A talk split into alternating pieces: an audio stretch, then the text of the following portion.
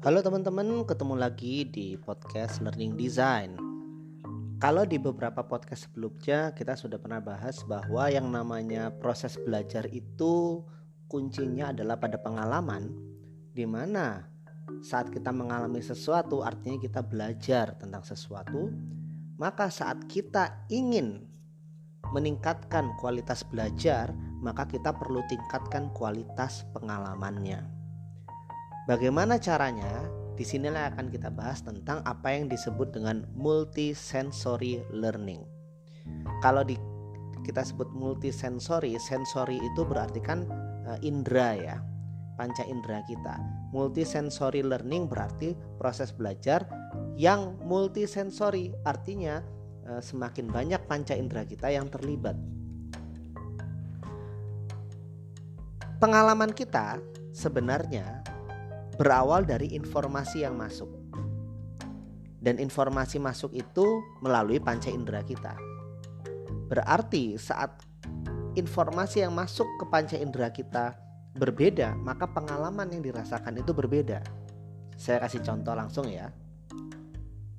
Misalnya, eh, saat kita melihat apa yang disebut dengan uh, sepeda motor, maka saat kita hanya menggunakan panca indera penglihatan kita, maka kita melihat motor.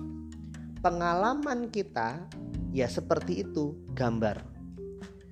Akan berbeda saat misalnya kita mulai nyalakan mesin motornya, rung rung rung, kita mendengar, maka pengalaman kita bersama motor itu semakin kaya.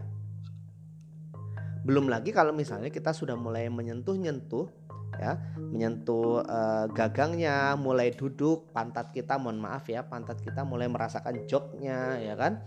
Lalu kita uh, mengendarai motor itu uh, wajah kita tersapu oleh angin dan angin itu menyentuh uh, meng, uh, apa uh, menyapu pipi kita uh, lalu memberikan kedinginan hawa dingin kepada wajah kita pengalamannya jadi berbeda lagi, semakin kaya. Kita tidak lagi hanya melihat sebuah motor, kita sekaligus mendengarkan uh, deru mesinnya dan kita juga merasakan langsung sentuhan di pantat dan di wajah kita serta di tangan kita.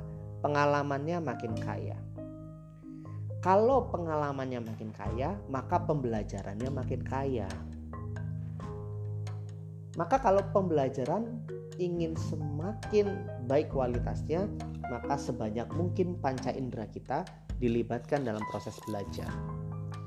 Ini menjadi satu perenungan bagi kita bahwa kadang-kadang kalau kita bicara soal belajar, yang kita pikirkan adalah menyampaikan sebuah informasi. Sudah selesai. Kalau kita cuma menyampaikan sebuah informasi, menjelaskan sesuatu, maka hanya panca indera pendengaran kita, telinga kita yang akan diberikan stimulus maka hanya sebatas itu saja pengalaman yang akan diterima. Akan berbeda kalau misalnya apa yang kita jelaskan itu kita demonstrasikan. Kita tunjukkan langsung bagaimana sesuatu itu bekerja. Atau kita tambahkan gambar-gambar visual, maka eh, apa namanya eh, indera penglihatan kita juga akan terstimulus. Pengalamannya akan semakin baik, pembelajarannya semakin banyak. Belum lagi kalau misalnya saat kita mengajari orang sesuatu, kita biarkan kulitnya menyentuh sesuatu itu. Kita biarkan orang uh, semakin banyak hal yang disentuh oleh seluruh kulitnya.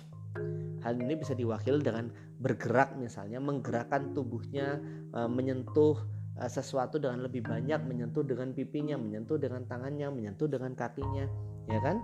Akan lebih kaya lagi kalau misalnya kita sampai misalnya pembelajaran itu memungkinkan untuk kita mencium baunya. Atau mungkin bahkan kalau berhubungan dengan makanan merasakan sesuatu di lidahnya. Enak kali ya. Itu so teman-teman saat kita ingin melatih orang lain saat kita ingin menumbuhkan orang lain sebisa mungkin sebanyak mungkin melibatkan panca indera lebih daripada sekedar pendengar aja saja. Maka kalau yang bisa uh, kita bayangkan mungkin ya kita jelaskan sesuatu dengan verbal kita, kita tunjukkan gambarnya, bahkan kita tunjukkan aslinya, ya kan? Biarkan matanya menikmati apa yang bisa dia lihat dari apa yang kita ajarkan kita biarkan dia melakukan mengotak-ngatik mengoprek sesuatu itu ngoprek sesuatu itu. Ngoprek. Kenapa? Supaya semakin banyak tangannya menyentuh ya kan? Hal yang sama juga bisa kita lakukan misalnya pada pembelajaran-pembelajaran yang soft soft skill misalnya ya, yang mungkin tidak ada bendanya secara langsung. Kita jelaskan ya kan, kita tunjukkan, kita tunjukkan bagaimana melakukan sesuatu.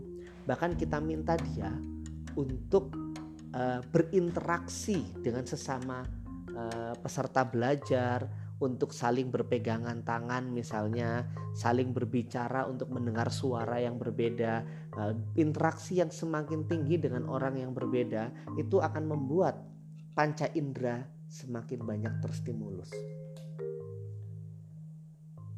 Teman-teman, ingin pembelajarannya semakin efektif? Perhatikan, jangan hanya andalkan satu panca indera, jangan hanya mengandalkan satu indera dari peserta belajar kita perkaya, perkaya, perkaya. Biarkan semua panca indera peserta belajar kita semakin aktif, maka pembelajaran semakin efektif.